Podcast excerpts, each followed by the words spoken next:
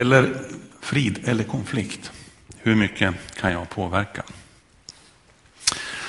I Jakobs brev så finns det bibelställen som är väldigt mycket knutna till vad man säger och hur man beter sig mot varandra. Och vi ska inte fastna jättemycket i just Jakobsbrevet, men det ligger en grund här som jag tänker utgå ifrån där det står så här. De som medverkar till att lösa konflikter sprider en atmosfär av frid omkring sig och får också själva glädje av den goda frukt deras insats ger. Först kan man ju säga så här, vad, vad ska egentligen en, eh, en predikant säga och tala om när han får chansen? När en pastor står här framme och ska, ska ha fått liksom förtroendet att få låna församlingens öra en stund så är det, så är det viktigt. Man känner en, eh, en vördnad, man känner, en, en, eh, man känner det här förtroendet som något tacksam, man är tacksam för. Och det absolut första och mest givna är att man givetvis går till Gud och liksom ber och vill ha ett inflytande helt ifrån honom över vad det ska handla om och vad man ska tala om. Sen kan man ju över ett år, liksom, om man ser på lång sikt, se att olika ämnen kommer upp. Evangeliet är ganska självklart. Att korset kommer upp, att Jesus som gett oss frälsningen finns centralt i våra förkunnelsetillfällen. Det, det är självklart. Någon annan säger att ja, men kunskap ska vi ha. Vi behöver gå lite djupare i bibelordet och vad det står där. Och det är rätt, det är givet. Någon annan tycker att förmaningar ska det finnas med, tillrättavisningar och annat. Ja, det händer ju det också. Sen tänker jag så här också, att en hantering av livet som livet är i vårt vardag, en vägledning i allt som vi möter i livet, det tycker jag har sin självklara plats. Därför att är det någon bok i världen vi kallar för en handbok för just livet så är det Bibeln. Där finns så otroligt mycket beskrivet av våra liv och det är där vi är idag när jag går in i det här ämnet. Och vad är det då som är aktuellt just nu när det gäller det här?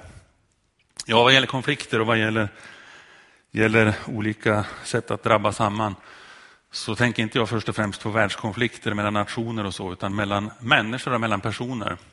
Dig och mig, internt i familjer, internt på, inom en skolklass eller på jobbet eller någon annanstans. Därför att sånt förekommer givetvis med jämna mellanrum och regelbundet. Jag hör på nyheterna, jag har hört den sista tiden på nyheterna att det har pratats väldigt mycket om faktiskt att det har ökat väldigt mycket när det gäller konflikter. Och att just den här sista halvåret som har varit väldigt udda och speciellt för oss har orsakat jättemycket tillökning av konflikter därför att man lever ihop på ett sätt man inte är van att göra. Man blir sammanpressad i större tid och så vidare. Och det är inte bara fördelar med det utan man hamnar lite i luven på varandra. Det blir mer och mer problem där. Skilsmässosiffrorna har ökat i år jämfört med tidigare. Sådana här negativa bitar behöver man titta på och Bibeln bryr sig om sådana här saker. Oro, ångest över framtiden, rädsla, kärlek, annat som kan sättas som grund för en, en konflikt eller som kan vara grund för en konflikt. Vi är olika vi människor. Vi är, vi är väldigt olika. Vi ser olika ut. Vi, är olika. vi skapar en, tillsammans en jättestor färgpalett som är fantastisk och det finns jättestora fördelar med denna mångfald, dessa olikheter mellan oss. Men det är också en av orsakerna till att konflikter kan uppstå. Och Bibeln lär oss en hel rad med bra saker som vi kan ha som förhållningsregler. Och man kan tycka att det här är ju väldigt enkla saker och sanningar. Ja, det är det. Men eh, hur enkelt är det för oss att leva upp till dem och att verkligen klara av dem? Vi behöver titta på dem. Att vara en fridskapare, för Jesus han sa så här i, i Matteus 5 i bergspredikan, så sa han bland annat så här. Saliga är de som skapar frid de ska kallas Guds barn. Och vad är då en fridskapare? Ja, först vill jag bara säga vad det inte är. En fridskapare är inte i första hand en person som lägger sig platt i alla lägen och bestämmer sig för att nej, jag ska inte göra någonting här. Jag håller mig undan. Jag eh, låter liksom den andra sidan hela tiden bara få sin vilja igenom till varje pris. Det är ena sättet som man skulle kunna bete sig på. Ett annat är att undvika problemen. Att liksom se till att det inte kan hända. Det ska inte bli några problem här. Jag kliver åt sidan direkt. Eller vi gör så här.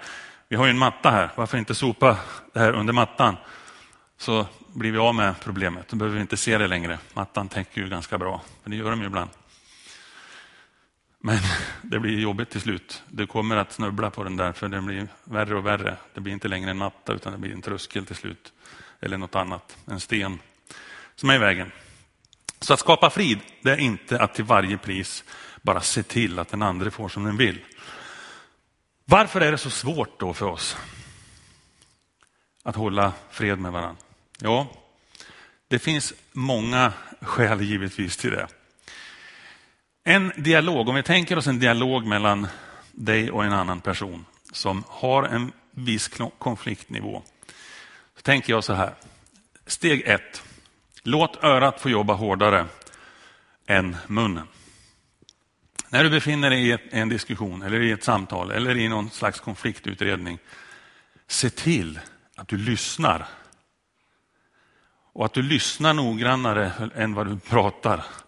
Om ni förstår vad jag menar. Att det känns att du, att du ger den tiden och den platsen i det här samtalet.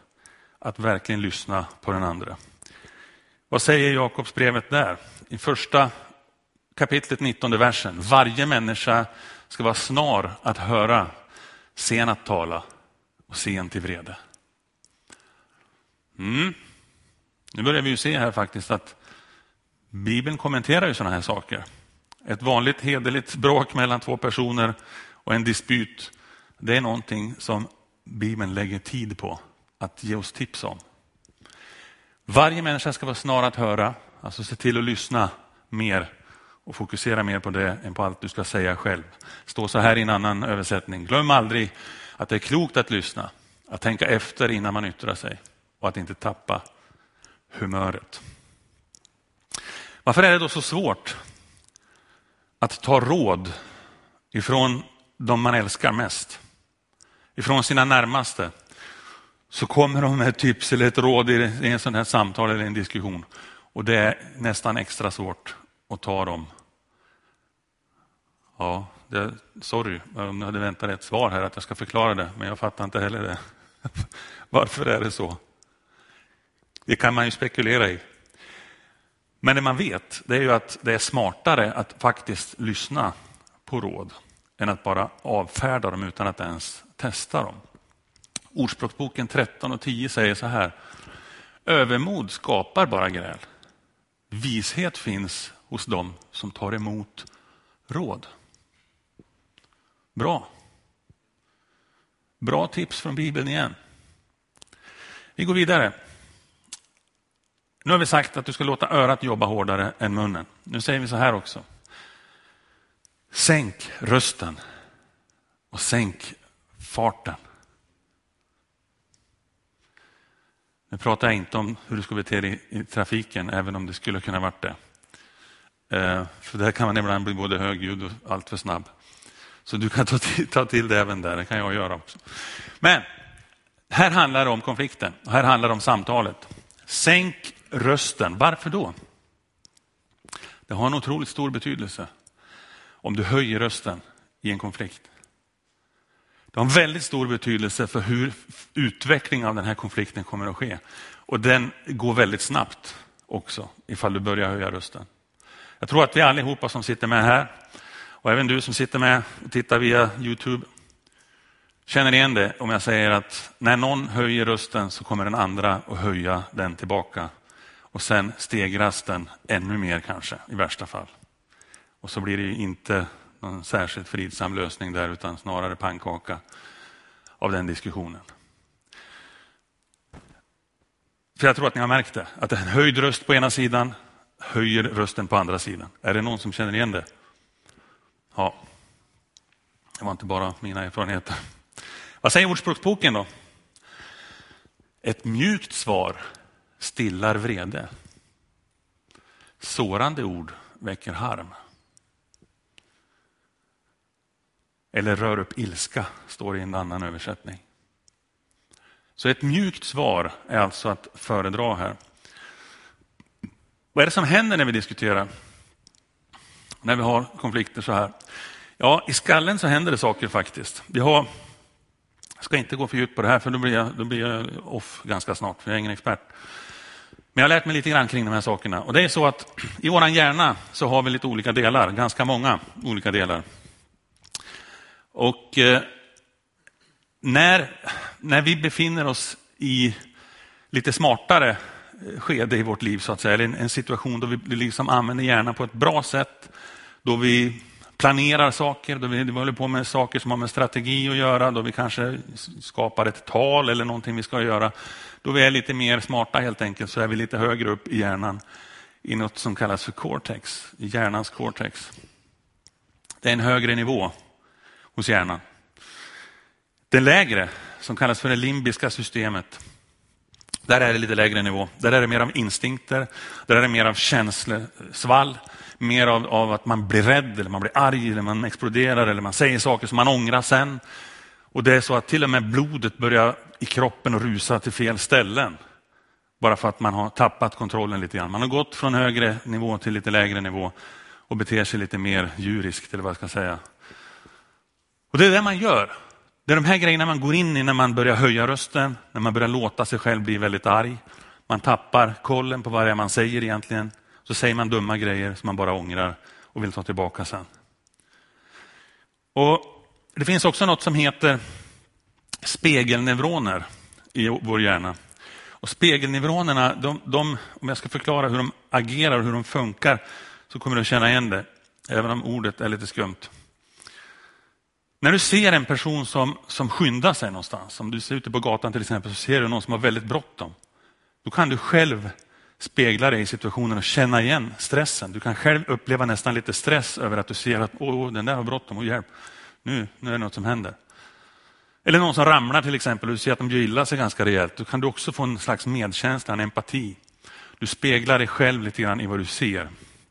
En kompis eller en medarbetare eller något som är ledsen och som du ser är betryckt. Det kan du också se och känna med och till och med kan det vara med och påverka ditt eget humör där du sitter. Fast egentligen inte berörde dig personligen det som har hänt. Men du, tar, du får ett slags medlidande. Du, du speglas i den person du ser. Det här bygger man väldigt mycket på när det gäller film till exempel. När man, ska, när man skapar filmer så, så skapar man en handling som är oftast är helt påhittad, väldigt ofta.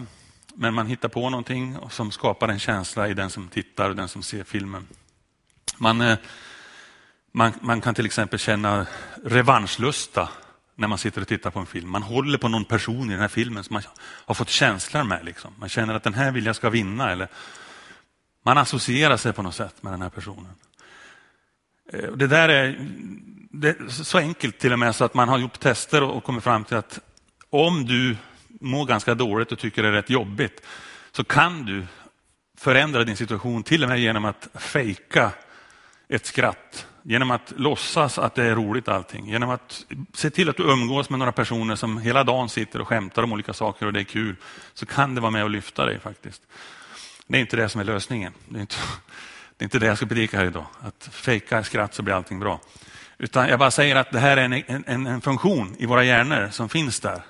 Och som spelar roll också när vi befinner oss i konfliktläget.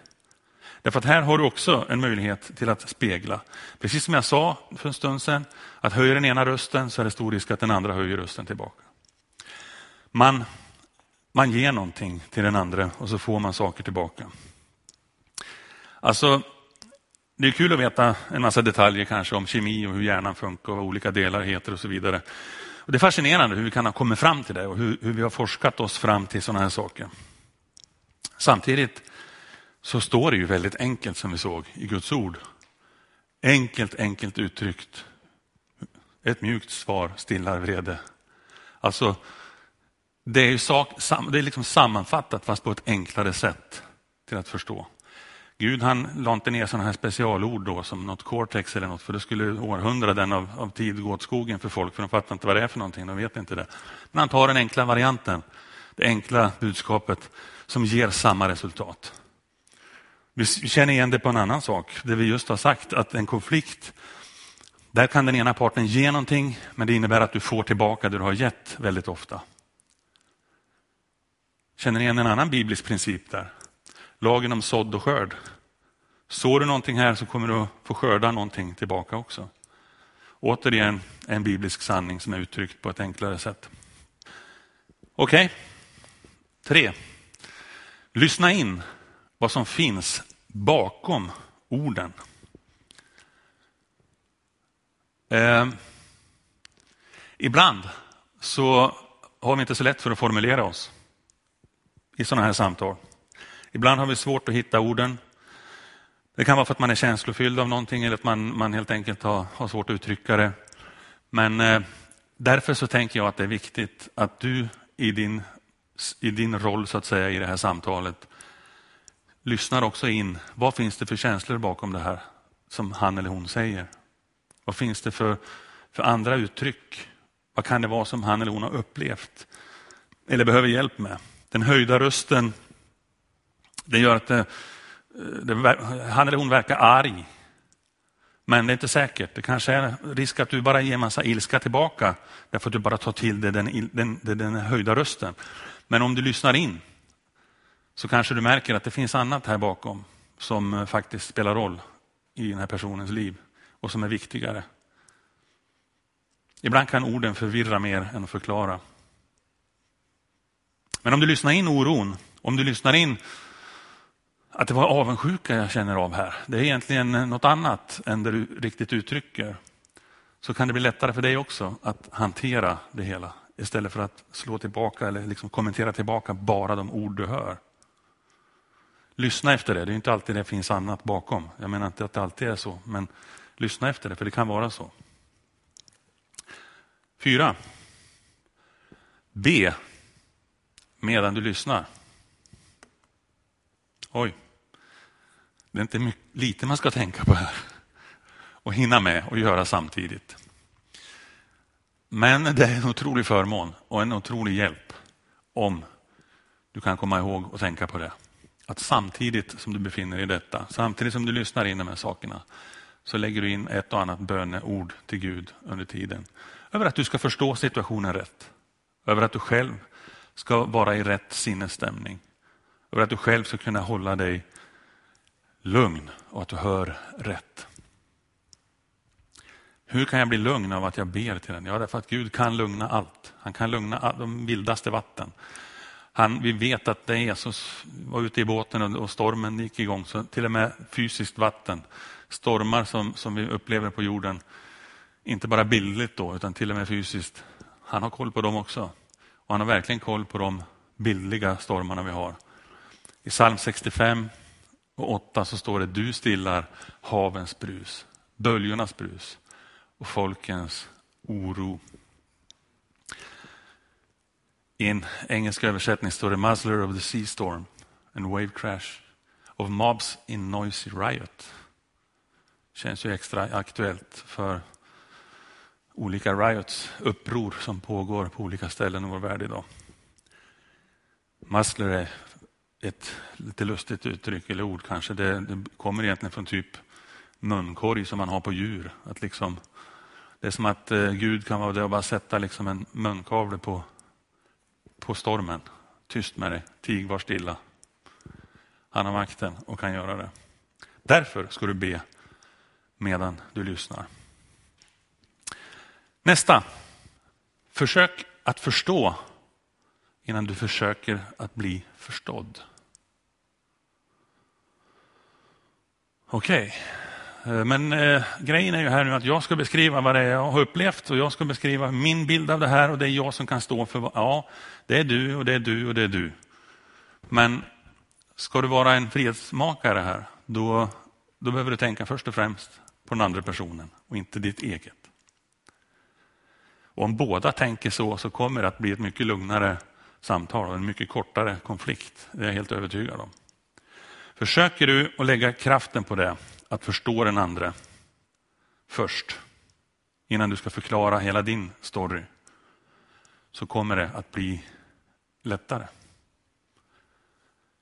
Ivrigt kan man vara den som liksom vill hitta olika sätt att förklara sin bild, förklara sitt sätt att se på det här.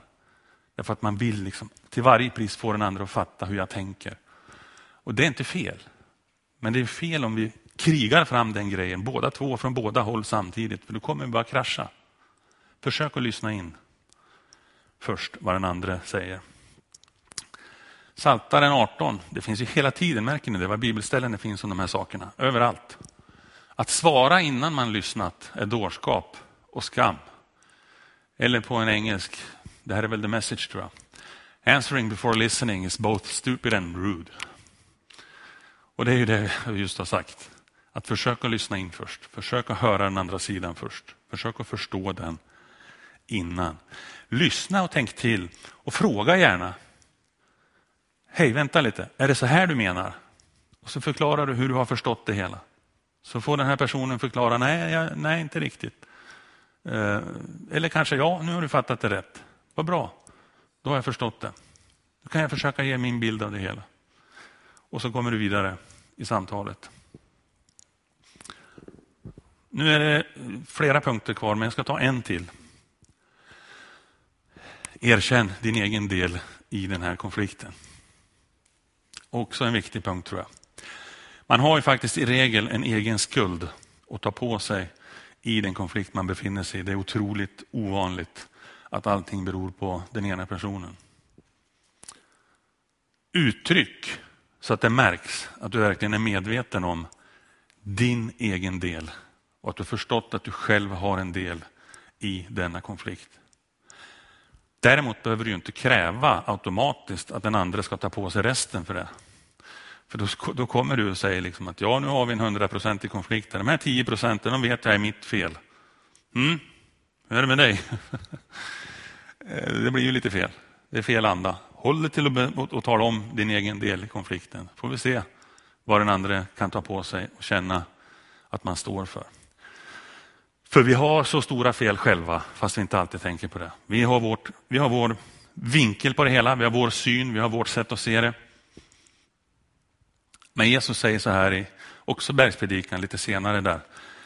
Hur kan du säga till din broder, låt mig ta bort flisan ur ditt öga när du har en bjälke i ditt eget öga?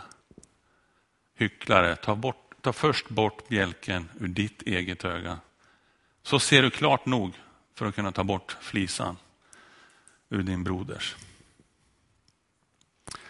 Som vi märker här så bygger alla de här stegen på att du sätter den andra personen före hela tiden. Jag tror du har märkt det rakt igenom. Att inte först och främst hävda dig och ditt. Din syn, din upplevelse i första hand. Utan att försöka lyssna in motparten. Filipperbrevet 2 och 4 står så här. Se inte till ert eget bästa utan också till andras. Var så till sinnes som Kristus var. Det här är inte lätt. En annan översättning, samma bibelställe. Var inte själviska. Ha inte som mål att göra gott intryck på andra utan var ödmjuk och utgå hela tiden från att andra betyder mer än ni själva.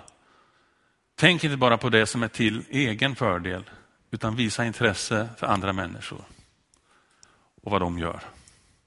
Och Det är som sagt inte lätt, för vi är väldigt självcentrerade. Naturligt kommer det här till oss att vi tänker väldigt mycket på oss själva. Synden efter syndafallet är med och river i oss och sliter i oss och förstör saker hos oss och försöker få oss att bli mer krigiska, bli mer egoistiska. Så är det. Paulus beskriver hur han försöker göra det som är rätt, men han har svårt därför att det händer saker fel hela tiden. Det jag inte vill, det gör jag ändå. Så här säger han. Och det är, det är konstaterat, det är så vi funkar mycket. Men vi kan jobba på det och vi kan ta de här tipsen. Det är därför de kommer, de här råden, de här tipsen ifrån Bibeln och ifrån Gud. Jesus, tack för bibelordet. Tack för det vi har fått ifrån dig. Gud, du som har skapat oss och vet exakt hur vi funkar i varje läge. Jag tackar dig Herre att du vill leda oss även i sådana här situationer. Att du vill göra oss mer lik dig. Mer fyllda av kärlek Herre, mer fyllda av att lösa konflikter, mer fyllda av att eh, skapa fred än strid. Tack Gud för det. Tack att du vill hjälpa oss i det. Tack att du har vägar för oss som är så enkla, smarta och fungerande. Ber Herre att vi ska få hjälp med disciplin. Hjälp Herre med att verkligen satsa åt det här hållet och tro på dig, sätta dig först, sätta andra före oss själva i sådana här situationer, Herre. Led oss i det. Amen.